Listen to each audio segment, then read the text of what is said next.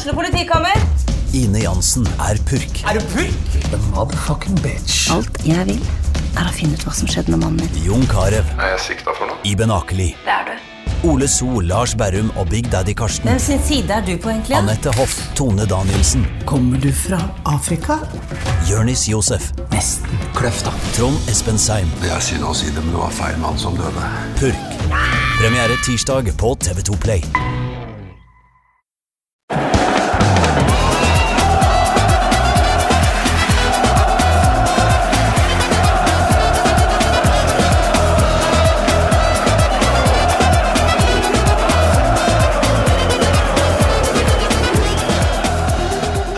Og hjertelig velkommen til en ny episode av eh, den sjuende sesongen av eh, Pyro og Pivo. Mitt navn er Morten Gallosen, og med meg i dag så har jeg Øyvind Biskop Sunde. Yes, Sunder. Velkommen skal du være. Takk. Veldig hyggelig. Jeg trodde aldri jeg skulle bli invitert tilbake, da, men øh, det har jeg blitt. Veldig hyggelig. Ja. Hvorfor, eh, hvorfor skulle du ikke det? Eh, nei, jeg er jo for, jeg er blitt Altså, Bundesliga, som jeg jobber mest med, har jo blitt eh, for mainstream, føler jeg, for eh, formatet ditt.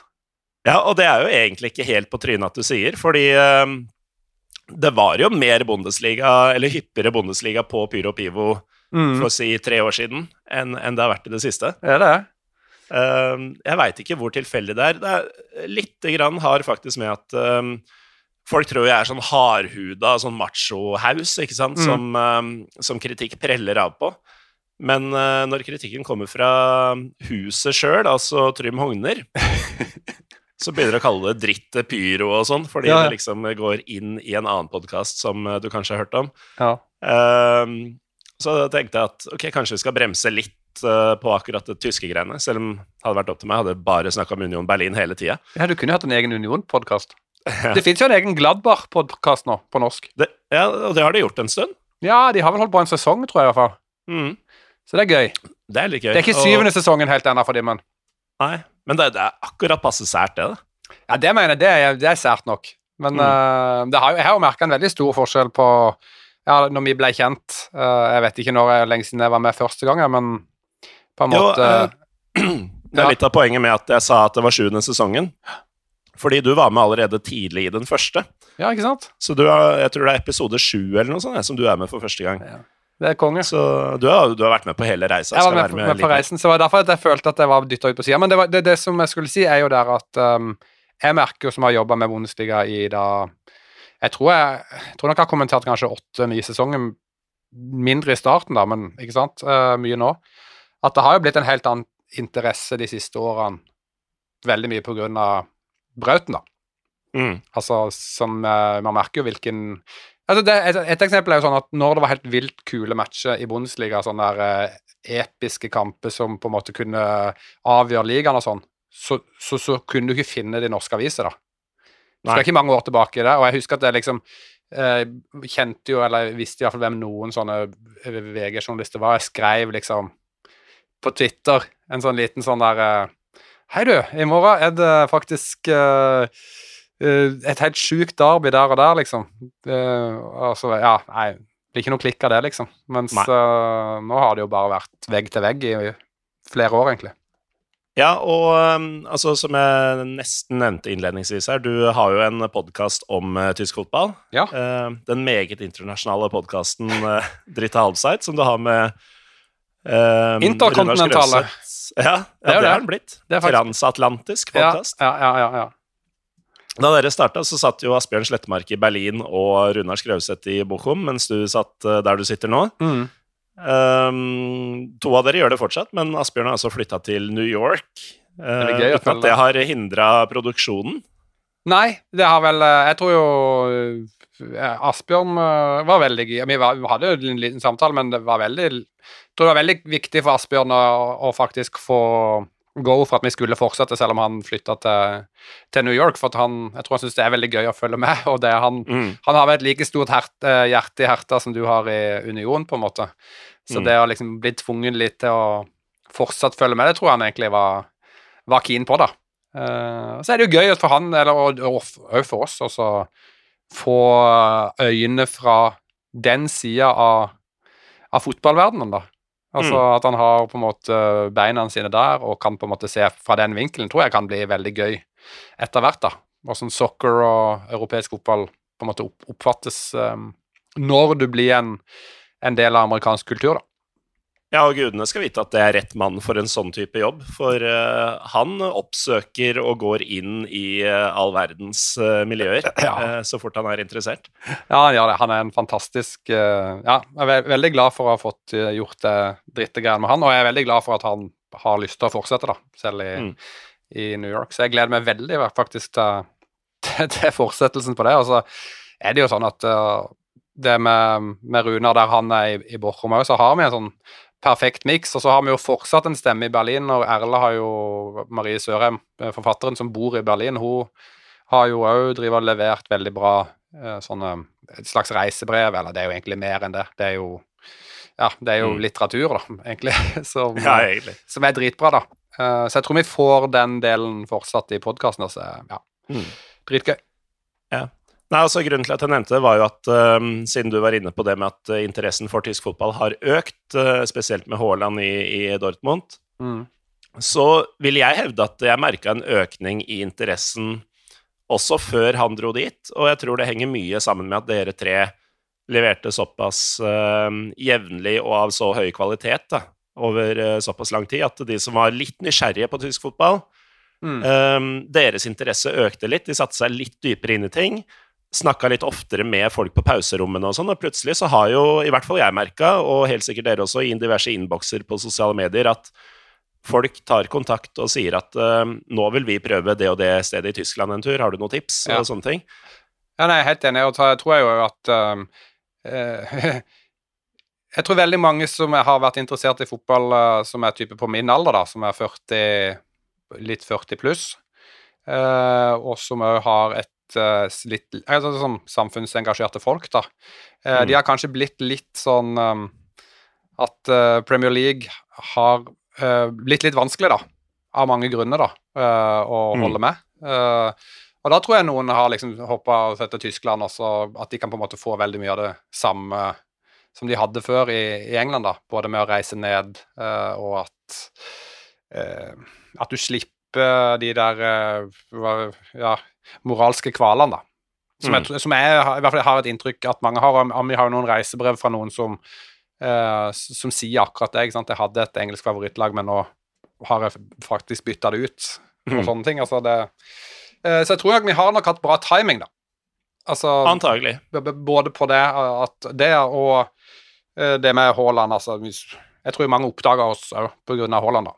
Mm. Så vi lå jo der først, men så kom, kom Haaland, og da var det enda flere som, som sjekka oss ut, da. Nå, ehm, når du eh, sier at det har blitt litt vanskeligere å holde med det engelske laget og sånn, så mm. handler jo det om andre ting at, eh, enn at Premier League-abonnement har vært dyrt i flere år. Men um, uten at vi skal bli sånn moralske eh, riddere her, mm. så handler jo mye av dette om at um, bare for å sette litt i sammenheng for de som ikke fulgte det resonnementet, at stadig flere Premier League-klubber spesielt, men engelske klubber generelt, får stadig flere og stadig mer tvilsomme eiere. Og sliter litt med å kjenne igjen klubben de kanskje vokste opp med å bli forelska i. Og sånn, og jeg veit det sjøl, som var United-fan eh, inntil for ikke så veldig mange år siden. Mm at uh, Fergusons 1996-årgang er noe ganske annet enn hvem som nå hadde laget i 2016. Mm. Og det handler ikke bare om sportslig suksess og sånne ting, det handler om hele profilen og opplevelsen av både klubben og ligaen, uh, i hvert fall for min del. Og i Tyskland, Eivind, mm. uh, der er det jo kun et fåtall lag som sliter med akkurat det. Det det. For du har jo denne 50 pluss 1-regelen, som i hvert fall jeg er veldig glad i. Ja, altså den minner jo egentlig bare om norsk, uh, norsk klubbdrift. Altså når, når mm. norsk fotballkultur og tysk fotballkultur på en måte, ikke på tribunen, men sånn som det er organisert, er jo veldig lik, da. Egentlig, i, i mm. bunn og grunn. Uh, så hvor uh, fotball i England alltid har vært noe som på en måte har vært privateid, så har det jo aldri vært det i, i Tyskland, da. Mm. Um, så, og det har de jo greid å beholde, til tross for uh, at mange har forsøkt å ordne på det og, og, og flytte de grensene. Og grensene har jo blitt flytta i Tyskland òg, på en måte. Men uh, det at uh, de som står på tribunen, har en stemme inn i klubben, den, det merker du jo veldig. Nesten uansett i hvilken klubb. Det er vel nesten så du, du merker det i altså Red Bull Leipzig òg, liksom, Uh, for å sette det helt på spissen. Så ja. Det er, det er jo noe fint med det. Mm. Veldig satt på spissen at man liksom kjenner på det i Leipzig. Men, Jo, men det, men eh, det som er kult med tysk fotball, er hvis du ser Eintracht Frankfurt uh, forrige sesong, da, uh, som da vinner den Europaliga, eh, da da var det jo friskemelding der, når, når de vant den. Da var jo fotballen friskmeldt eh, ganske mm. momentant, da, når, du, når de greide å vinne en, en turnering i Europa med en, en president som uh, En eh, rå fyr, rett og slett, som eh, men som da Han er valgt av de som står på, på tribunen, og er, er veldig opptatt av eh, hva som er greit innenfor klubbens eh, sfære, da. Eh, ja, ikke bare, Ja. ikke bare hva som er greit, men hva som er forventa. Ja. Altså, dette er jo en ganske gammel, hvit mann Ja, ja. eh, som, som sier ting som at nei, selvfølgelig, stadion skal brenne. Ja. og det er liksom en av mange uttalelser som eh, som du kanskje ikke ville hørt fra ja, han har jo eh, sagt at uh, du, du kan ikke gå på tribun Du kan ikke være AFD-tilhenger uh, tilhenger og heie på Eintracht Frankfurt. Altså Det går ikke, det, det er uforenlig, liksom. Altså Alternativ for Deutschland, som er sånn høyreekstremt parti, han har, det har han jo sagt, og liksom um, Ja. Så det, det er jo noe der som som er en motvekt til veldig mye annet da, i, Mm. i fotballen. Og det er kult. Det, det er veldig kult. Um, lytterne har sikkert skjønt at vi skal snakke litt om tysk fotball uh, i dag. Um, men det, det er jo Altså, Tyskland er jo mye. Uh, det er jo landet som holdt på å si har gitt oss armhulefetisj og uh, veldig mye rart. Ja. uh, og så er det liksom Du, du har to Tyskland, på en måte. Du har det som folk Eller to sånn klisjé-Tyskland, som folk mm. tror er greia. Det ene er det strømlinjeforma, hypereffektive, humørløse greiene. Og det andre er det derre psycho-opplegget med, med helt utrolige karakterer og merkelige lover og eh, sånn onanibåser i, eh, i gatene i Hamburg og liksom det, det, det, det er så mye rart på én gang, da. Og så Ja. er det liksom Ja, både du og jeg har vært der en del. Ja, Eh, jeg vet ikke, jeg, De båsene har ikke jeg vært i Nei, nå mente jeg Tyskland generelt. Ja. Jeg tror jeg, Jeg vet Jeg at du har vært i de båsene en del, men eh, det, det får stå for din regning, Gallosen. ja, Nei, eh, jeg har ikke prøvd dem sjøl, men jeg har hørt om dem. Ja. Um, men er det sånn at sannheten ligger et sted midt imellom, eller er det ekstreme svingninger Nei, det- i, i gatebilder og klubber og alt mulig? Jo, det er jo enorm vidde, liksom, men uh, de bor jo 80 millioner der. Mm. Så det er jo klart at det, det blir jo litt av hvert uh, når det er så stort uh, land, da. Eh, det så, jeg, jeg har på en måte Største forskjellen jeg har merka når jeg har vært i Tyskland de siste gangene, er ehm, det, er to, ting. Eller det som jeg har, virkelig har bitt merke er hvor langt um, akterutseilt jeg syns uh, type ror, altså Bochum Dortmund er, i forhold Mm. til her hjemme. Altså sånn uh, hva du får av restaurantmat, tilbudet som er i byen, uh, at det er liksom grått Altså Oslo er jeg tenker det er, er 15-20 år foran Dortmund, da.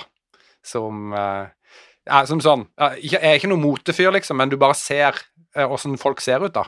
Og du ser hvilke tilbud du får eh, på restauranter, eksempel. Jeg ble anbefalt å gå på en pizza i Dortmund, så tenkte jeg liksom Dette, dette hadde ikke vært topp 50 i Oslo, liksom Nei. på pizzeria. Eh, og så var jeg i München òg i, i, i fjor, og da var det liksom OK, nå dette er da, da, var, da var det hipt. Da var jeg liksom på Grünerløkka nærmest. Ikke, jeg vet ikke om Grünerløkka er hipt lenger, men for en 40-åring så er det i hvert fall ganske sånn Da var du, hadde du litt den feelingen der. Og da det er en helt annen Da, da tenkte jeg at dette München er er 2020 i hvert fall, da. Eh, Ja, ikke sant. Så det, det, jeg, det er vel det jeg har lagt størst merke til, egentlig, Mm. eh, av, når jeg har vært der de siste gangene. da. Ja, men det er litt sånn at uh, akkurat i rorbyene, altså fantastiske fotballbyer, Mm. Um, og det er jo mange kneipete kneiper, som dere sier i podkasten deres, og det er veldig mye gøy der, men det er vel nesten den delen av Tyskland som føles mest østtysk ut. Altså, er, mm. Ingen hadde blitt overraska hvis, uh, hvis du hadde satt noen på gata i, uh, i Bochum, eksempel. Mm. Uh, og så fortalte de at dette lå bak muren. Nei, nei. Altså, Gelsenkirchen, Gelsenkirchen, som òg er inni her, der var jo eh, på en sånn levekårsundersøkelse Vi lagde en sak på, eller vi lagde en egen spesialepisode, tre episoder i forrige sommer om Sjalke. Og da, da var de nederst. Altså, det var den eh, fattigste og stussligste byen i hele Tyskland. Ja. Altså, det, det, var liksom objektive objektiv uh, mål, målegreier som de hadde gjort det på, da. Barnefattigdom, mm. sånne ting, da. Så det er klart at de uh, alt, alt, står ikke maks til der, nei. Nei, altså det er altså, Gelsenkirchen er byen som Schalke 04, en av de aller største klubbene i hele Tyskland, mm. og derfor hele Europa, kommer fra. Det er jo på størrelse med Bergen cirka, innbyggere. Det er vel bare sånn 250 000 innbyggere eller uh, der omkring. Jeg tror det kanskje var en, nesten enda mindre. Ja, ikke sant? For jeg lurer på De har 160 000 medlemmer i, i, klubben eller noe, da så tror jeg kanskje det er sånn der Ja, det er 40 000 som ikke er medlem, eller et eller annet sånn tullete, liksom. Så, ja, nei, men det kan godt stemme. Uh, og, og, da gjør, blir det jo enda rarere at mm. den er ikke bare en fattig by, men den fattigste mm. i hele landet. For du skulle jo tro at uh, har du en så svær klubb, så er det ressurser i byen den klubben kommer fra. Ja, Nei, det er det, det, er det ikke. Det er ikke det. Nei. Men de har, eh, de har, historien, da. De kan mm. de prøver å forvalte så godt de kan, da. Men nei, nei, det er kjempe Og det er jo det som har vært gøy både med Dritte Halbzeit og det å få lov til å jobbe med tysk fotball i de årene jeg har gjort, det er jo at uh, man kommer jo inn og får uh, et innblikk i samfunnet, da, som jeg ikke mm. hadde gjort uh, ellers. Og min bakgrunn sånn fra før jeg begynte å jobbe med fotball, var jo at jeg, var jo, jeg har jo jobba som miljøarbeider eh, med folk, jeg har jobba som utekontakt med ungdom, og så har jeg en utdanning som sånn samfunnsgeograf, da. Eh, så jeg syns jo det er utrolig interessant, da, å se hvilken uh, kultur en fotballklubb kommer fra, hvordan dette her samhandler og sånne ting. Det vet jeg jo du er interessert i òg, liksom, så det, vi er jo og, der, og, der, er jo Tyskland liksom bare en gullgruve, da. Mm. Og nå skjønner du kanskje hvorfor du fortsatt er invitert til eh, Pyro Pivo? Kanskje, ja, kanskje. Men uh, ja, det har jo gått Vi har jo hatt noen uh, fighter, vet du, så jeg var redd for at det var slutt uansett. Men det var veldig hyggelig. Men uh, vi skal jo straks gå, gå over til litt, litt, sportslige greier her. Ja. fra landet som utrolig nok ikke har gitt oss Lady Gaga. Altså jeg blir like overraska hver gang jeg eh, blir fortalt at hun faktisk er amerikansk og ikke tysk. Mm -hmm. Hvis du skjønner hva jeg mener? Hun burde ja. vært tysk. Ja, kanskje. Ja, nei eh, Altså, det Det er jo bare jeg, Altså Jeg husker at jeg liksom Når jeg begynte å kommentere, så var liksom St. Pauli liksom, var jo kjempespennende, da.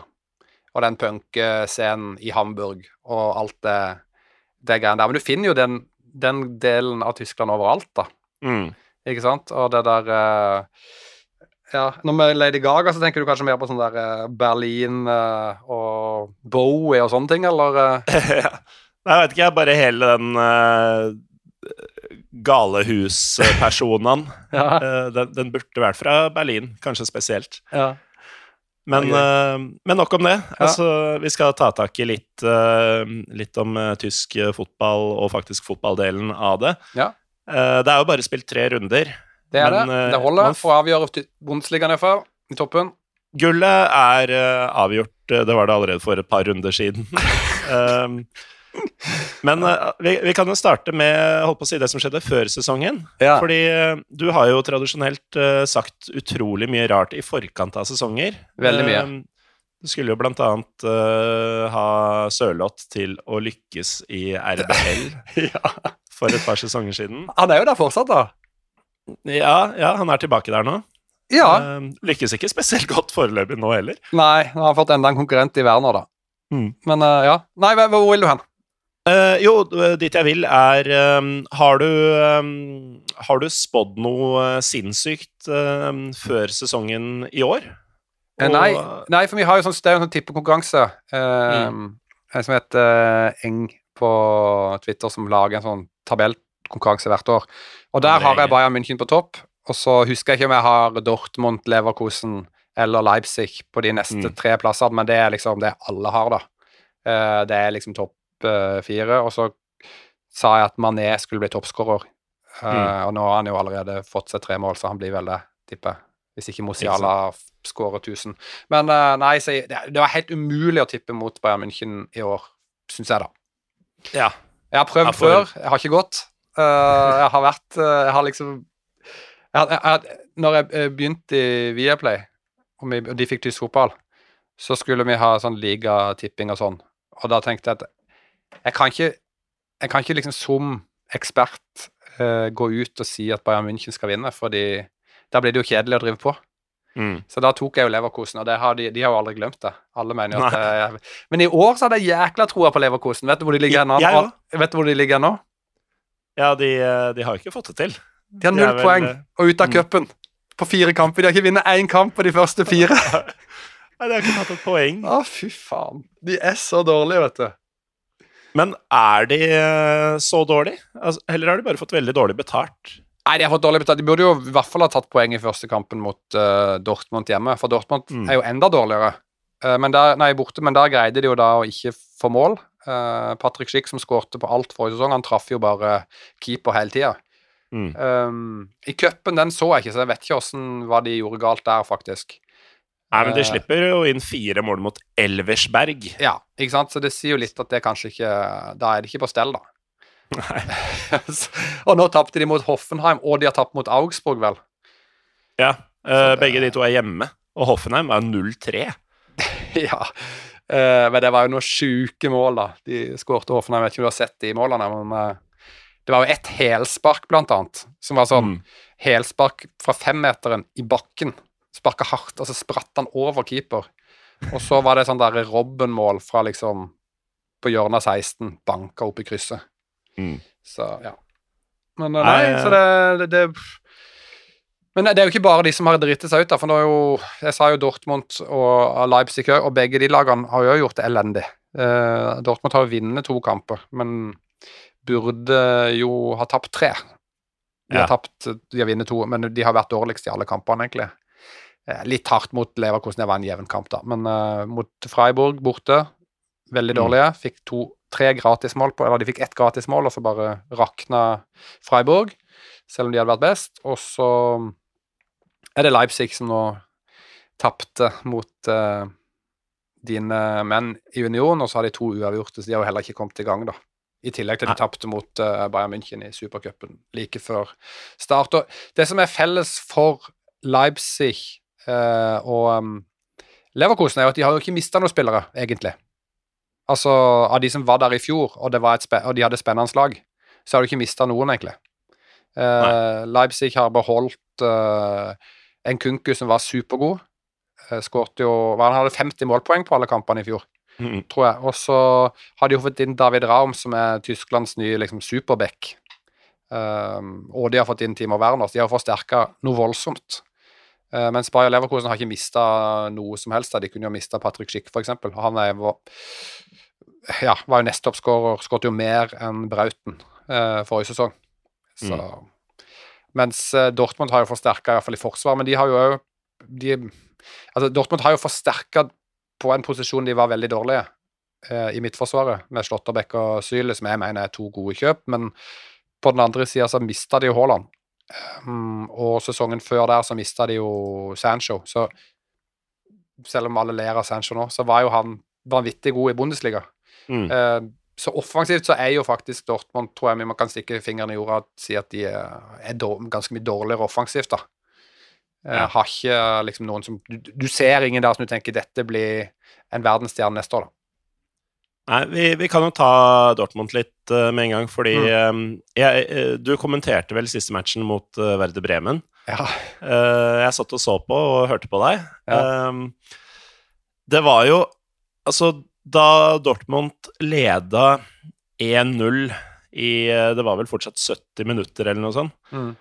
Så tror jeg den derre XG, expected goals, Mm.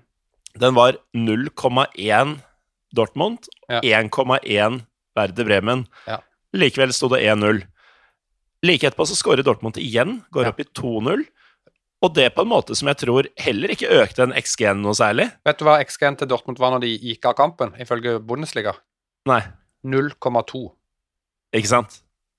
Um, og like fullt så leda de da 2-0 med ikke veldig mange minutter igjen å spille, Eivind, og da var det sånn at uh, Fytti grisen så dårlig de hadde spilt, men de drar det i land igjen. Det var liksom konsensus. Mm. Og så skjedde det noe magisk i sluttminuttene. Ja, det må hvilken øyne du ser med, da. Men jeg, for å være helt ærlig sånn, hvis, så Jeg er jo ikke, ikke Dortmund-fan, på en måte, men jeg har jo sett så mye Dortmund-kamper de siste årene at jeg føler meg liksom Jeg føler liksom litt med klubben, nesten.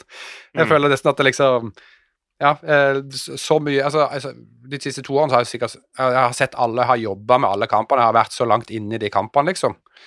Jeg tror helt ærlig for Dortmunds del at egentlig på liksom medium til lengre sikt var bra at de tapte den kampen. Fordi Mm. at de har hangla sånn i de to første kampene. At de liksom skulle hatt ni poeng etter de tre første, hadde jo vært helt vilt. Og det hadde på en måte gitt de en eller annen eh, Altså, jeg tror det er veldig skummelt for fotballag å tro eh, at, altså, at det ordner seg, liksom. Du, må vite, du må vite at vi spiller egentlig Vi er, er faktisk veldig dårlige her. Eh, vi har flaks. Eh, vi må gjøre ting på en annen måte. Så jeg tror kanskje at den, det tapet at de slipper inn da tre mål fra det 89. til det 95. minutt, eh, kanskje kan gjøre at OK, nå tapte vi, vi er nødt til å Vi må gjøre noe annet. Vi må se på noen andre måter å få dette til å funke på. Um, han, Edin Terzic har jo hatt Jeg sa vel det under kampen at han må bare levere inn lottekupong, liksom. Mm. Fordi at han har jo hatt så flaks de tre siste kampene. Og det er jo det som er forskjellen. Det var derfor jeg sa det med Haaland og Sancho i stad. Fordi at når Edin Terzic leda Dortmund for eh, altså en sesong siden, da, og tok de til Champions League-plass, de hadde jo gjort det dårlig, og vant cupen, så hadde han Jaden Sancho og Haaland Mm. framme der. Og da fikk du Altså, de skårte jo to mål i hver match, de to. De, altså, hvis du husker cupfinalen mot Leipzig, så skårte de jo to hver. Altså, det var jo sånn det var uke inn og uke ut, da. Uh, og nå endte han vel på ni Bundesliga-seire på rad, tror jeg han hadde, som uh, Dortmund-trener, med den vanvittige slutten han hadde av den sesongen før han ga seg, og så med starten på denne. Men nå har det ikke funka, så, så for Dortmund del så tror jeg egentlig det var bare Ja, jeg tror det var bra for de, for å kanskje kunne greie å komme inn på en kurs som gjør at de kan um, Ja, de kan ikke utfordre Bayern, men at de kan i hvert fall holde, henge med i toppen, da. Mm. For det bør de. Men nå, ikke sant eh, Hvis man kikker på tabellen, så er det jo noen lag der som er ganske bra, som har um, Som er oppi der nå. Altså Gladbar, Union. Freiburg var veldig god i fjor. Hoffenheim er jo der oppe. Eh, Så Og så skal Leipzig inn der, og så skal um, Leverkosen, som vi snakker om òg, skal jo inn i den topp fire, ikke sant? Ja, Frankfurt kan melde seg inn eh, i, i sjiktet der, på samme måte som Freiburg og Union, i hvert fall. Ja, ikke sant? Så det er jo en sånn um, Bak Bayern München så kan det bli en ganske heftig sesong, for å si det mildt. Mhm. Ja, for uh, Bayern München uh, vi, vi overrasker lytterne litt, Eivind, og så, og så snakker vi litt om Bayern München i Byrå Pivo. Nå kommer jo Trym Hogner til å snu seg i grava. Du vet Ja, han, han har fått eh, advarsel, faktisk, om at denne ukas episode blir uh. Men Kan jeg si noe om Trym Hogner, da? om han. Ja. Ja, For han er jo en veldig Jeg liker han jo, han er en hyggelig fyr. Mm. Men uh, når han er på jobb, da er han på jobb. uh, og vet du hvor jeg så han på jobb? Eh, altså, han har jo vært på jobb i anførselstegn på deres liveshow. Ja, nei, han var det ikke der. Det det ikke du der. til? Nei, han var på jobb, og han uh, gjenkjente meg ikke. Han sto med solbriller, og jeg prøvde å ta kontakt, men uh, det var bare Han var på jobb. Mm. Det var, Nei, eh, det- Han, han jobba foran scenen på en konsert. Ah, vet du hvilken det var? nei. Hva er det som kunne altså, Trym Hogner han er jo en massiv type, liksom. Mm. Du tenker det, det er noe, det er noe, det er noe voldsomt, ikke sant? Kvelertak ja. Jeg er noe- kjenner han for godt til å tro at han hadde gått på en sånn konsert. ja. Nei, altså uh, ifølge meg sjøl så var det, sto han foran eh, scenen på Miniøya Mm. uh, og holdt orden på at det ikke skulle bli noe uh, storming av scenen og han, han så veldig liksom morsk ut der. At ikke 13-åringene løper og river av klærne på rappartisten, eller hva det nå skal være. Ja. Jeg tror faktisk det var noe eh, Jeg lurer på om det var noe joik på scenen. Ja. Du kan se for deg det bildet, med solbriller og caps der foran scenen, armene i kors på Miniøya. Mm. Trym Hogner, liksom. Det er nydelig. Um, håper du- du tok bildet. Tror du det var han? Ja. Ja, ja det er bra. Han, han, kjente, han kjente meg ikke igjen. Nei, men det var, det var nok han for det. Ja, det var nok det. uh, men uansett, Bayern altså, Selv ikke du uh, var gæren nok til å tippe en annen vinner foran denne sesongen. Eh, for skal vi være ærlig, så var det jo ingen av de, verken Dortmund, Leverkosen eller eh, Leipzig, som man kunne se for seg vinne.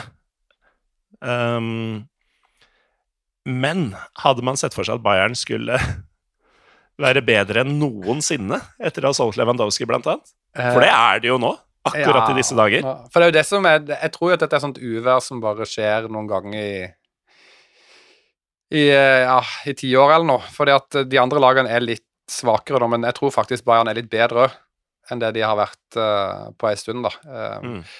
Det er en sånn Og det, det, og det syns jeg faktisk er veldig gøy, fordi at ofte så kan det være litt kjedelig å se på Bayern München. Det har jo vært det de siste årene, for de er liksom overlegne, men det er sånn at litt sånn kjedelig, bare litt sånn press, og så skårer de et par mål, så er det over, liksom. Men Mm. nå har det jo vært fyrverkeri fra start til slutt i alle, i alle kampene, egentlig. Spiller jo kjempegøy fotball. Og jeg har jo sagt liksom til sånne naboer sånn her som ikke følger med så veldig mye på tysk fotball, så bare sagt at du må bare skru på skjermen hver gang han Jamal Musiala spiller fotball nå, for det er Han er du glad i. han er jeg glad i, men han er, denne sesongen så han helt, har han vært så gøy å se på. Han er sånn Jeg vet ikke, han spiller på midtbanen, men han kunne vært liksom Ronaldo-fenomenet når han henter ballen, og liksom Mm. eh, drar av folk, og så har han et godt blikk for spill, og så er han en sånn Du blir glad i typen, da. Han, han spretter opp når han blir takla. Han har vel hatt to mål allerede denne sesongen hvor de fleste hadde lagt seg ned og fått straffen, liksom. Men han bare Mm. har løpt videre og scora, på en måte. Uh, nei, han er fantastisk. Så det, det har vært veldig gøy. Og så er det jo det at han da blir utnytta av Julian Nagelsmann. Jeg, var veldig fornøyd med noe jeg på en måte sa. Og det var at uh, Jamal Musiala er på en måte dronningen på Julian Nagelsmanns uh, sjakkbrett. da. Eh, uh. Så han kan liksom flytte han rundt, han kan angripe overalt. Jeg syns det var et godt bilde, da. Og det er litt der Mm. han var, er for, for Bayern München nå, da. Altså, hvis vi um, skal male et uh, annet bilde for uh, lytterne, så har Bayern spilt fire turneringskamper. De har skåra 20 mål. Ja. Det, og, og i dette så er det jo da én match hvor de bare vant 2-0. ja. Så vil si at på de tre andre så har de skåra 18 mål. Og den første kampen eh, mot eh, Leipzig, som var supercupfinalen, så Mm. hadde de vel bare trent ei uke eller noe sånt, tror jeg. Eh, de hadde vært borte i USA der, og så kanskje hatt én kamp. De spilte mot City. Ja, og en mot DC United. Ja. Det er oppkjøringa deres. Og det var, det var, trenings, det var oppkjøringa. Så det var Mm. egentlig bare en ny treningskamp, og da leda de jo 5-0, og så slapp de jo inn en to-tre der på slutten, men Mm. uh, og i serien så har de jo spilt slippet inn ett mål. uh, og det var det jo Bayern München som skårte sjøl. Da var det jo kløning av, uh, av Neuer i den 6-1-seieren, var det vel, i første seriekamp. Mm. Og det tror jeg er den eneste sjansen de har sluppet til. Den, den, da, da snubla Neuer, liksom. Ikke sant. Ja, det var helt sånn eh, Vi snakka litt om det før sending. De har Mm. ikke blitt spilt eh, holdt på å si, sjanser på, eller scoring på. Nei. Dødballer er det jo ikke noen motstandere som får. Altså, det, det, det er ingenting å hente mot dem. Nei. Det er helt Uh, og da sitter du med en målforskjell på 15-1 da, etter tre seriekamper. Og det er jo sånn som bare skjer på PlayStation og Football Manager. Ja, ja. Og de har uh, Goretzka, som har vært kanskje en av de viktigste liksom, brikkene. Han har ikke spilt. Mm. av de, de likt som de kjøpte inn, fikk sin debut nå fra start. Uh, Skåra. Skåra. Ja, og de mista Lewandowski uh, foran uh, sesongen. Men de fikk jo inn Sadio Mané. Uh, men ja, nei, det Jeg vet ikke. Det Jeg kan ikke helt forklare hva Nagelsmann gjør, uh, men uh, det er noen som spiller der de skal, på en måte ganske gjennom hele kampen, og så er det veldig mange som bare flyter rundt, da eh, på forskjellige steder på banen og bare gjør det sikkert umulig å forsvare seg mot da. Samtidig som alle spillerne har et ganske Altså, ja, utenom Kimmich og Müller, så er jo alle jævlig raske.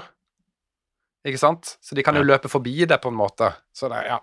Nei, det er fryktelig godt, det laget der nå. Så det Kunne jo egentlig bare håpe at uh, For Bayern sin del, da, at de greier å holde dampen oppe utover uh, med dette VM-pausen og alt mulig. For det blir jo to sesonger og dritt, ikke sant? Mm. Så det er om de greier å spille så godt som de gjør nå, og greier å holde det trykket helt fram til om de greier å kjøre liksom Champions League-sesongen, da. Det, det, er jo det, den, det, det, det handler om, egentlig. Mm. Men den pausen er jo lik for alle, eh, også i de andre ligaene. Eh, tidligere så har jo tyskerne på en måte hatt et lite handikap med den eh, særegne vinterpausen, Mm. som jo har blitt veldig mye kortere med årene enn den- i forhold til hva den var før. Mm. Eh, men det er klart, det er jo ikke gunstig å, å stoppes midt i den villeste galoppen. Nei, det er ikke det. Så Nei, men det, blir, det er jo gøy. Jeg vil jo bare men jeg, Til og med Pyro og Pivos lyttere bør sjekke ut eh, en Bayern-kamp eller to i løpet av høsten, syns jeg. Ja, men prøv å velge en match hvor motstanderen i hvert fall på papiret kan gi dem litt kamp, for ellers så Altså, er setter du på Bayern München hjemme mot uh, Jeg så du Borchum altså. i går, eller? Nei, øhm, jeg var uh, opptatt Men jeg var på Åråsen, Ja. selvfølgelig. Godt valg. Ja. Eh, det var pinlig, rett og slett. Altså, jeg, jeg tuller ikke. Jeg tror at Borchum lett kunne ha tapt 12-0 i den kampen der. Eh, de var, altså han der Gamboa som skårte sånn vanvittig mål i fjor på hjemmebane mot Bayern München og var liksom den store helten der. uh, han hadde jo selvmål og Mm. en sånn selvmålspasning i tillegg. En sånn der uh, enorm tabbe. Og dommeren unnlot å blå- blå- blå- blåse straffe type på den 89. minutt. Sånn soleklar straffe, egentlig. Han bare Nei, jeg orker ikke å blåse straffe, så de skal få nummer åtte, liksom. Mm. Uh, så det var Nei. Og da var det jo én som ble annullert. Altså, uh, Sadio Mané hadde et mål. Han kommer skliende inn på bakre stolpe. Eh, ballen treffer stolpen, og så treffer han han, og så går han i mål.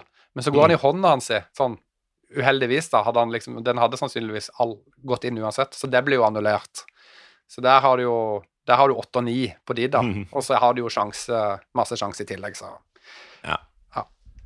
Men uh, før vi tar et par uh, positive overraskelser, så um, Altså, Bayern har jo de, de er der de skal være på tabellen. mm. Et annet lag som har plassert seg nøyaktig der de hører hjemme, det mm. er uh, Asbjørn Slettemarks Hertha Berlin. Som rett og slett har De er på 16. nå, de. Ja. venter ikke til slutten av sesongen, sånn som i fjor. Um, den kvalikplassen, eller relegasjonplassen, den er deres. Den er deres nå. Um, lite overraskende er det, er det like lite overraskende som det at Bayern uh, leder? Nei, jeg hadde, jeg hadde de høyere opp i året, altså. For å være helt ærlig. Jeg trodde nå hadde de Nå hadde faen Freddy Bobic fått litt tid på seg til å bygge noe greier. Uh, og de kunne En sånn Sandro Schwartz som trener òg virker liksom som et sånn passe greit valg, da. Men eh, For han er ny foran denne sesongen. De hadde jo han eh, Felix Magath på, på slutten i fjor. Eh, nei, men eh, det er jo bare fullstendig kaos der, Gallosen. Altså, det Mm. det er den verste klubbdriften jeg tror du kan tenke deg på lang tid. Nå har de jo Jeg vet ikke hvor du skal begynne, altså, men de har jo da en De har hatt en investor inne som har masse penger, som de vel bare kaller for Mini-Midas. For han var sånn IT-gründer som bare Alt han tok, i- ble til gull. Helt til han kom til Hertha. til Han kom til Hertha. Han er inne med noe penger der. Og så har de jo fått inn Freddy Bobic, som har skapt liksom vinnerlag i Frankfurt og sånn. Uh, som skal liksom være sportssjef. Men nå har jo han fått en president som kommer fra tribunen. Altså en, en fyr som var en av de som var med og starta liksom, en av de originale ultras-grupperingene til Hertha Berlin. Han er nå president i den klubben. Eh, og så greier de jo sannsynligvis å sparke Rune Jarstein, som har vært den viktigste brikken deres eh, de siste årene, fordi at han har skjelt ut en keepertrener. Han keepertreneren er god venn med Freddy Bobic, som er eh, sportssjef. Det er bare, sånn, det er bare et sammensorium. Og så har de jo Mhm. 1000 spillere som alle er, tjener mer enn det de burde, så du greier jo ikke å bli kvitt dem. Og de Og alle er terningkast tre. alle er terningkast tre. De altså de har betalt flere milliarder kroner de siste Mm. liksom, sesongene for å bygge det laget. Og det er bare et, Altså Jeg tror de hadde slitt mot uh, Lillestrøm. De har fått bank av Glimt, ikke sant? Uh, Ja, Glimt Som lag. altså. Hadde de møttes i liksom en kamp, så tror jeg de hadde tapt. Mot begge de, Ja. liksom, nå. Ja, i hvert fall uh, Glimt. Og Lillestrøm hadde fint åla seg til et uavgjort resultat. Nå har jo vi blitt veldig godt matcha mot Antwerp i to kamper, så nå er vi klare for, for det meste. Ja. Men uh, apropos eh, link der, er jo at Ekkelenkamp, uh, som skulle bli en stor suksess i Herta, han er jo allerede dratt med halen mellom beina til nettopp Antwerp for Ja. et par uker siden. Uh, uten at det er interessant for noen av de som hører er på. men- interessant. men det som er interessant, er jo det du nevnte med presidenten. da. For vi, Mm. var, vi var inne på dette med mm, 50 pluss 1-regel og sånn, Mm. som i praksis betyr medlemmene eier klubben og bestemmer. Eh, og du får vel ikke et klarere eksempel på akkurat det enn at eh, Herta har fått den presidenten de har fått nå. Ja, nei, det er jo helt uh, sant. Og så er det jo spennende å se hva, hva det fører til etter hvert, da. Om det blir samhandling med han ho hovedinvestoren, eller om det blir liksom en clinch, eller Jeg er ikke så inne i det at jeg vet hva det er. Men dette er jo gjentagende problematikk eh, rundt forbi i mange tyske klubber, da. At det er folk med penger som har lyst til å styre, og så kommer det folk inn fra sida som vinner valg, og så, så snakker ikke de egentlig de, de, de er ikke på samme lag, da. Mm. Så det, det kan vi vel kanskje kjenne igjen seg fra norske klubber òg. At det blir styre, endring i styresammensetninga, og så er plutselig sitter pengene litt eh, ikke så løst lenger da hos mm. bilselgeren på hjørnet, liksom. Vi har, eh, vi har sett det før, Ja. eh, både her og der.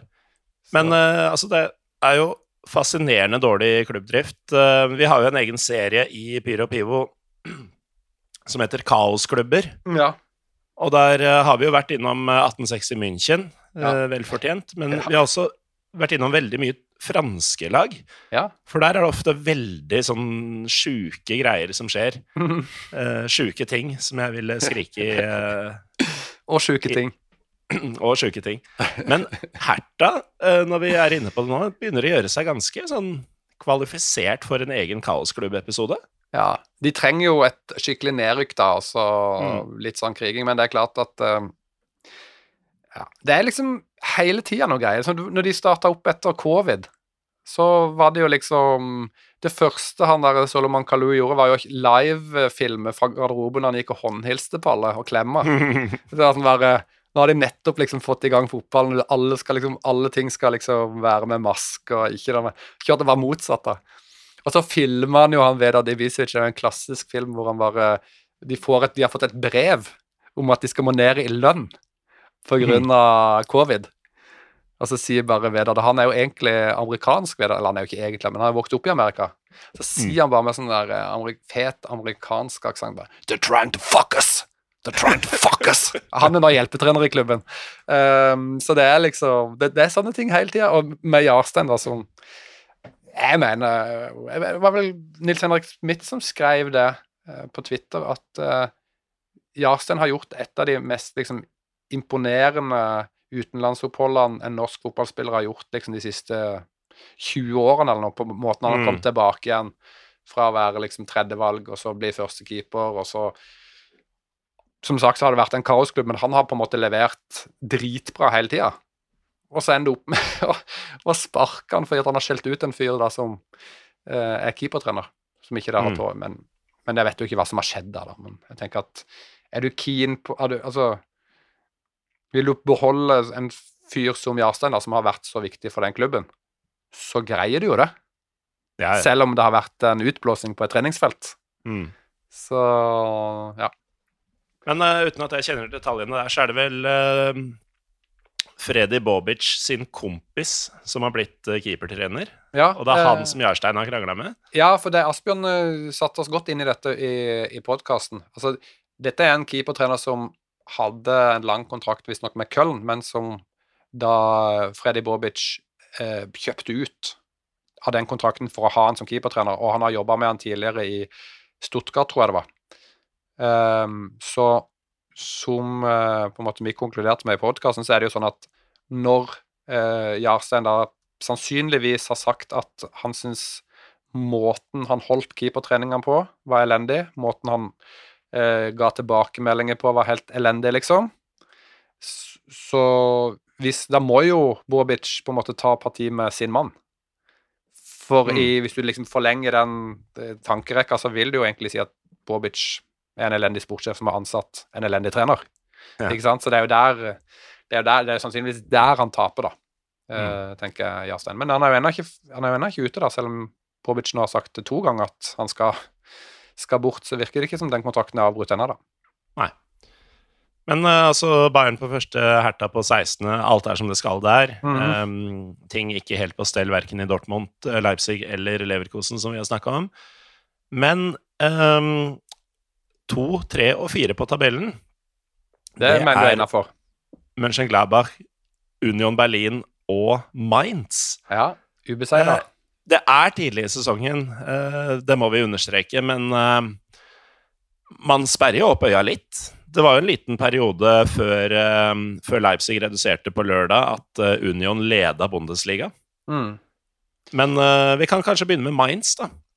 Ja, Fordi evig undervurdert.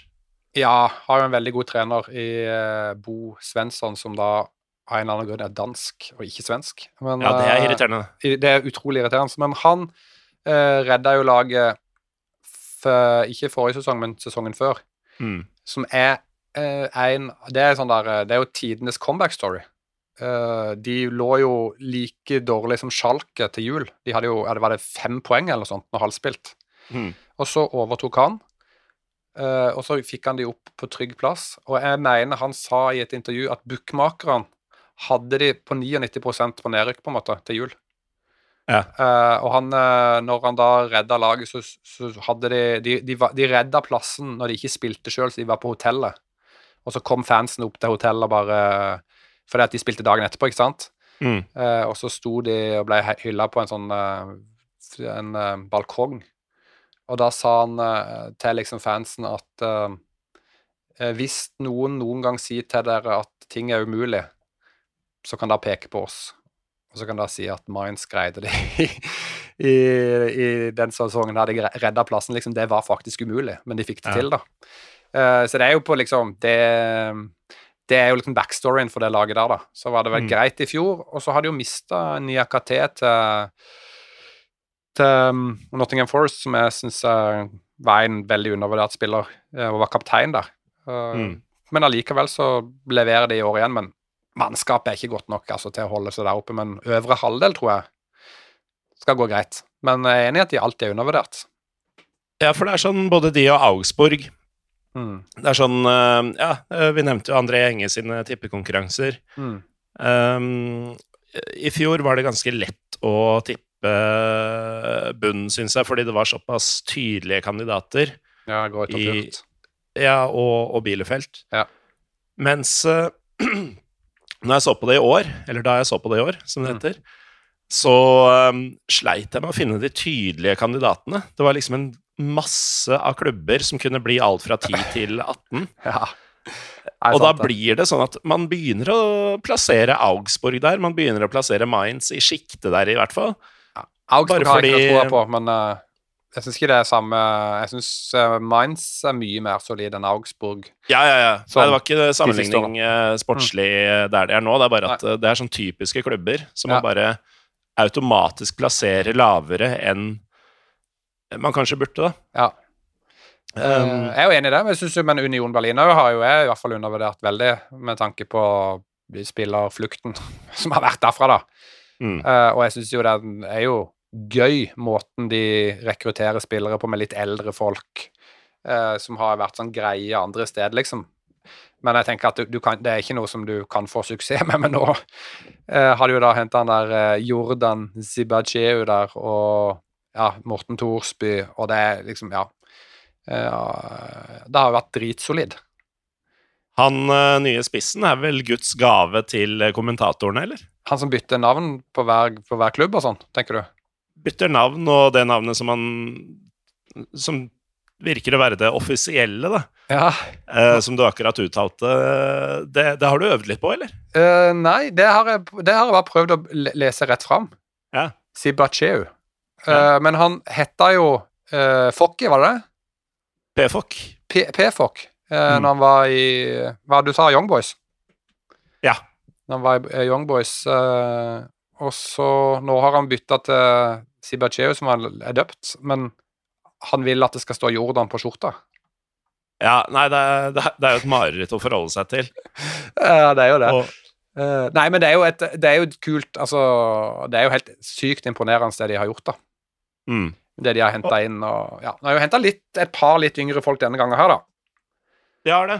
Og det, det er på en måte um, da, da tenker jeg at Union begynner å bli litt varme i trøya som Bundesliga-klubb. Mm. Når de henter inn spillere som ikke nødvendigvis er der for å eh, gå rett inn og gjøre en jobb umiddelbart, men som er der for å, for å bygge noe, da. Mm -hmm. uh, denne Jamie Lueling, for eksempel, ser jo veldig spennende ut, selv om han ikke har fått så mye spilletid til å begynne med. Ja, du kaller han for Luevling. Jeg vet ikke, hvordan- Eh. jeg kaller han for Leveling, men jeg, jeg vet ikke hva han heter. Ja, Nei, han også er vel litt sånn derre ymse nasjonaliteter.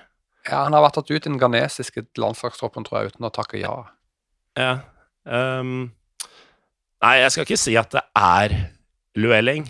Det er bare at uh, det var et uh, mer eller mindre engelsktalende land i uh, slektstreet, Ja. så jeg at Nei, men det, jeg, jeg er ikke opptatt av sånne ting. Jeg var, jeg var mer, jeg var mer uh, nysgjerrig mm, på hva, om du visste hva han Åssen det egentlig uttaltes. Nei, jeg vet ingenting. Men det sjukeste med han uh, Jordan Siebacheu eller PFOK, Mm. uh, er jo at uh, Jordan er jo bare del to av et fornavn med bindestrek. Nei, er det det? Ja, han heter Theoson bindestrek Jordan. Og så da enten Siebacheu eller PFOK eller begge deler. Det blir ikke lett. Nei. Det er ikke det er, Og, og det er jo et navn dere som kommenterer Bundesliga Union kommer til å måtte si mye i år, fordi han er ekte vare. ja. han, ja, han, var kjempe, han har vært kjempegod. Mm. Jeg synes Han var litt klønete den første matchen som jeg hadde, og så det var vel mot uh, Herta, og så plutselig skåret han på hodet, og etter det så har han ikke gjort en feil. Nei. Uh, og han der Geraldo Becker òg, Mm. som jeg inni meg kalte for Arnaldo, Arnardo en stund, fordi at han bare prøvde på tryllekunst og fikk ingenting til. Mm. uh, når han starta i Union. Han har jo vært kjempegod nå. Han har det, og du ser at han, han har forenkla spillet sitt og, og blitt mye mer effektiv, uh, altså både foran kassa, men også i, i å skape sluttprodukt. da, At det ikke bare er flash. Mm. Uh, og det tenker jeg er et av, en av mange ting som gjør Ors Fischer til uh, Han må jo være en av de beste trenerne, i hvert fall i Tyskland, men kanskje også i Europa, med tanke på hva han får til med begrensa ressurser. For eh, man, man kan si hva man vil om spillestilen. Det er jo ganske primitivt, eh, det Union driver med. Jeg Men, syns ikke det er det lenger. jeg. Syns det er bare jævla solid. Mm, Jeg syns ikke det er så primitivt. Jeg syns de spiller når de må. Jeg syns de bare liksom Alle vet på en måte hva de skal gjøre, da. ja. Uh, og så er det høy intensitet, da. det er det jo. Altså, de jobber Mm. jo altså, de, det, hadde, hadde Dortmund jobba som uh, Union Berlin, så hadde de jo vunnet Champions League. Altså, det er jo Så, så hardt jobber de jo. Ja, men det, det er ikke kødd engang. Og man ser jo, hvis man har sett en del Union-kamper Mm. Det er jo gjerne de sånn fremre tre-fire spillerne som blir bytta ut først. Mm. Og, og det er ikke fordi man jager mål og skal endre stil, eller noe sånt, det er bare at de har løpt fra seg. Altså, det, det presspillet er så sinnssykt. Mm. Fra, fra det som altså Becker, som tidligere har vært sett på som litt sånn luksusspiller, Ja. han er jo, er jo et helvete å forsvare seg mot, uh, også når man har ballen sjøl. Ja, ja, ja. Men uh, resonnementet var jo egentlig at uh, Fischer har da nå brukt et par år på Mm. å lære Geraldo Becker hvordan han skal få mest ut av, uh, av det han kan, da. ja. Og nå ser han ut som en helt annen spiller enn han gjorde for uh, ett og to år siden. Mm. Det, er, det er ganske vilt. Når du sitter og kikker på de spillerne som har forlatt eh, Union Berlin de siste årene òg, Mm. så er det nesten vanskelig å tenke at de har liksom greid å komme seg At de liksom stabler et bedre lag på bandet og ligger på andre-tredjeplass på Bundesliga-tabellen i øyeblikket, da. Selv at bare etter tre kamper. Men de mista jo Gikiewicz etter opprykkssesongen, vel? Eller fikk han Ja, han spille spilte år? ett år i Bundesliga. Ja, og så mista de toppskåreren sin Sebastian Andersson samme året der. Mm. Uh, og da Han Sebastian Polter dro vel òg, som var jo ikke noen superspiller, men han var jo solid for uh, Union og skåret Ja, mål. Ja, ganske viktig både i garderoben og, og ellers. Han havna jo i unåde under eh, covid. Eh, Ja. They're trying to fuck us. Ja, Han var jo den ene spilleren som nekta å godta lønnskutt i den perioden. Ja, og så Så forsvant jo han ut. Og så har de mista Max Kruse, Mm. eh, Marvin Friedrich, Robert Andrich. Grisha Prømel. Grisha Prømel nå. Uh, uh, han Kristoffer Lenz spilte jo en del. Ja, han var fast på venstrebekken, han. Ikke sant? Og så får han denne sesongen Avoni Mhm. og Prømøl.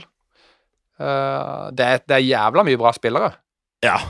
Det er jo ingen av de spillerne, vil jeg hevde, kanskje bortsett fra, eh, bortsett fra Polter og Andersson, eh, som har blitt erstatta av spillere som skal være bedre.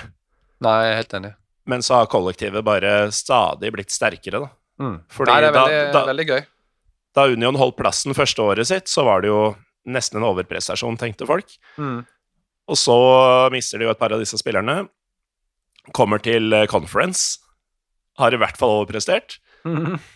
Og så kommer neste sesong der igjen, hvor um, man i midten mister eh, Friedrich og Krose. Mm. Og ender opp med en sluttspurt som var bedre enn det høstsesongen var med de spillerne. Mm. Direkteplass til, uh, til Europaligaen, og var vel ett poeng, tror jeg, fra fjerdeplassen å få Champions League. Ja, det er vilt. Det, det levde helt til siste runde, hvis jeg ikke husker helt feil. Mm. Og nå ligger man da på medaljeplass, uh, igjen etter å ha mista et par av uh, nøkkelspillerne. Så er helt utrolig hva Det som det. foregår i den klubben. Det må være gøy å følge med og være Det fan. det. Det er det. Det er ikke ofte du har ikke, du har ikke så, Det er ikke så ofte du har sånn flyt som dette her i livet ditt. Det er ikke det.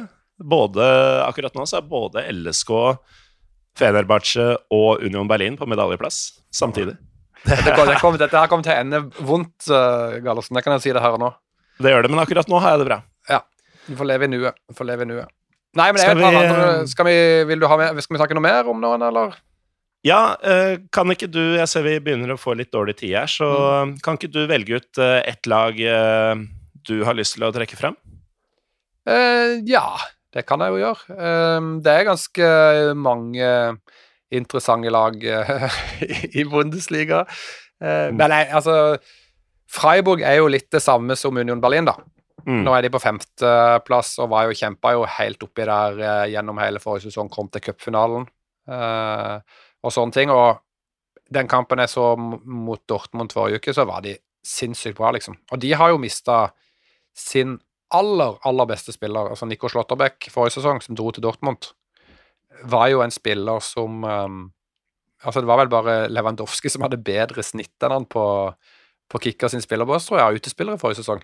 Sesongen før det så var han på lån i Union. Ja, ikke sant?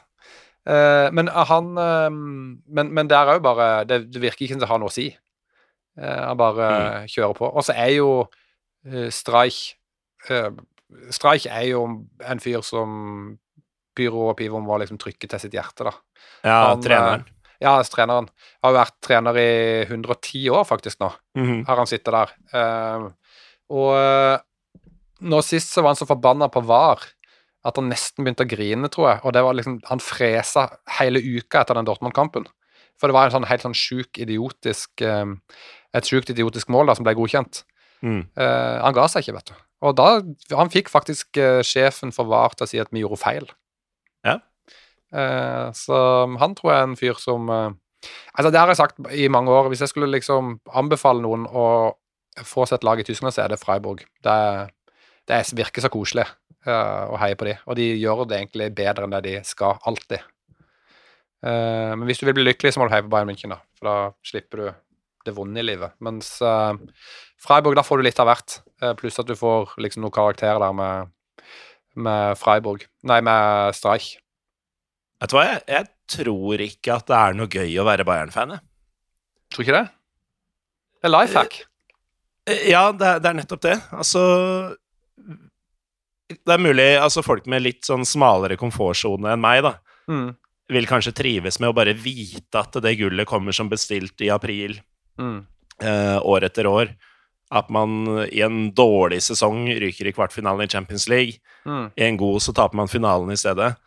At alt er veldig sånn forutsigbart og greit. Men eh, jeg kan ikke skjønne at det ikke blir kjedelig. Og ikke ha noe konkurranse, ikke ha noe spenning. Mhm. eh, ikke ha noen nedturer. Altså eh, Jeg tror både du og jeg er enig i at uh, enhver opptur som kommer etter en nedtur, Mhm. smaker fryktelig mye bedre. Ja, det er klart det. Men de røyk jo mot Holstein Kiel for noen år siden i cupen. og Det er jo noen små, små feilskjær innimellom, da. Men nei, nei da. Jeg, jeg Men da er det med vilje, føler man. Ja, men det er, altså, det er jo hva man er født til. Altså, jeg tror jo at de som heier på Bayern, de fleste av de har jo fått det inn tidlig, da. Så det er jo noe, det er vel ikke noe man velger ofte, det greiene der. Um, jeg har bare én siste ting jeg skulle si, og dette tror jeg ikke du kommer til å like, Gallosen. For nå har jeg jo kommentert litt uh, Premier League, Ja. starten på sesongen her nå. Og jeg må si at um, jeg har hatt litt sånn der Brighton-Westham hadde jeg nå sist, liksom. Uh, de lagene der føler jeg, når, når jeg så den kampen der Det er ganske, på en måte, spiller for spiller, ganske mye høyere nivå enn, syns jeg, enn, enn det som du får nedover i, i Bundesliga, faktisk.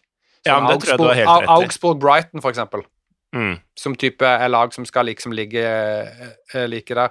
Mens ja. uh, følte liksom hele det der eh, type Brighton der eh, Det er med Det er akkurat som Det har tatt et At eh, de lagene der har gått et steg forbi, da.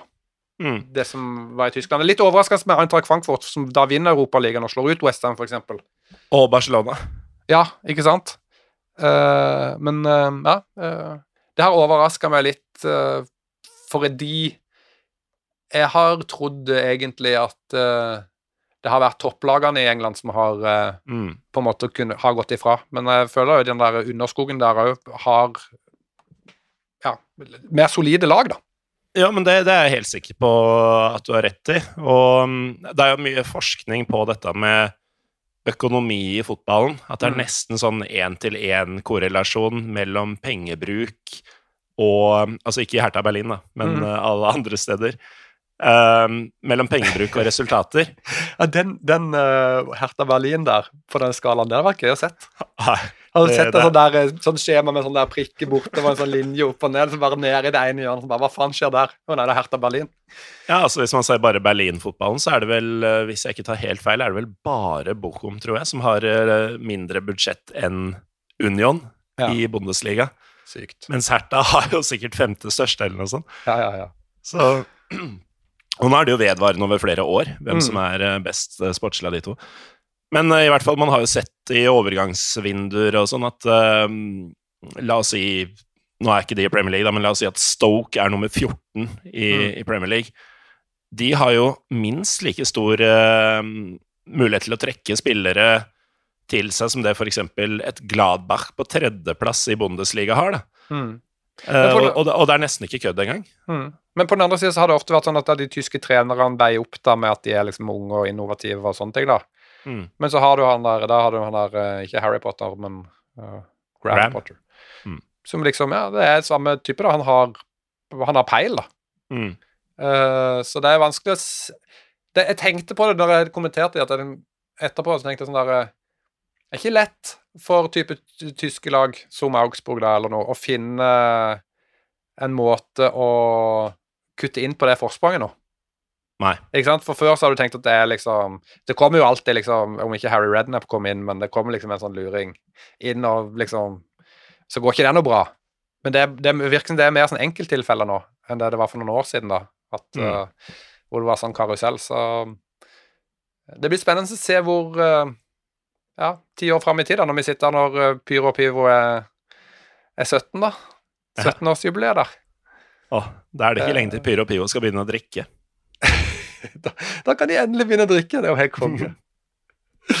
Så nei um, Det var litt sånn Det er jo litt sånn Det var kanskje ikke Det var ikke en high note vi slutta på der, men um, jeg syns at det, det Altså, tysk fotball må jo finne veien som Union Berlin har funnet, da. Ja. For, og, og som Eintracht Frankfurt fant i fjor, da. Men de må Mm. faktisk ligge helt langt framme i skoene hele tida nå, da. For ellers så er de egentlig fucked. Fordi Det er de, det. tr- they're trying to fuck us. They are trying to fuck us. Um, og they i dette tilfellet er jo alle. Det er jo de store, onde klubbene Evil Empire som alltid skal drive og konspirere og lage Ja, er dette sånn. konspirasjonspodden? Ja, ja. VAR prøver å fucke oss. Ja. Um, alle er fienden. Alle er fienden. Alle er fienden. Ja, deilig, Morten. Yes. Da kan vi slutte på en high note, uh, Ja. Eivind. Herlig.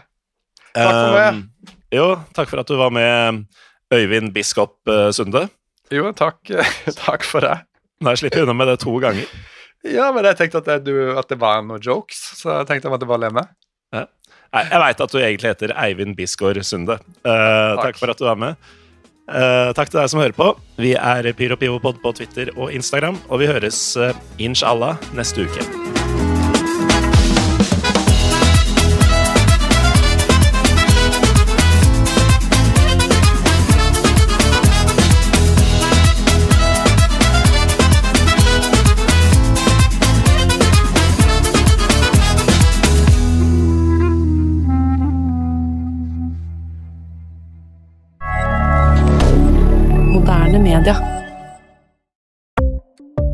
Ukens annonsør er HelloFresh.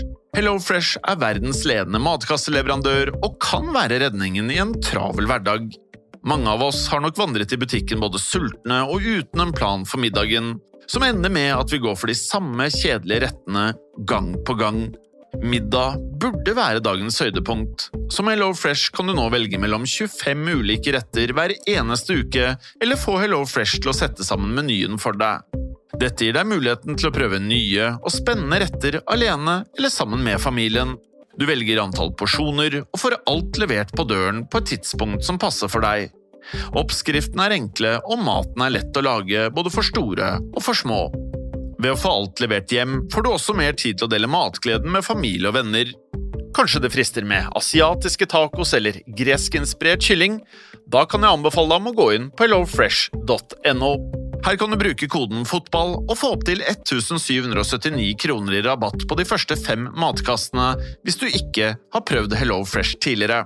Du kan også bruke rabatten hvis du har vært kunde og stoppet abonnementet ditt for tolv måneder siden eller lengre. Gå inn på hellofresh.no og bruk koden FOTBALL.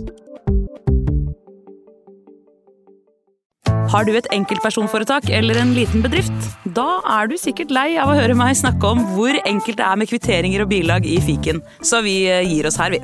Fordi vi liker enkelt. Fiken superenkelt regnskap.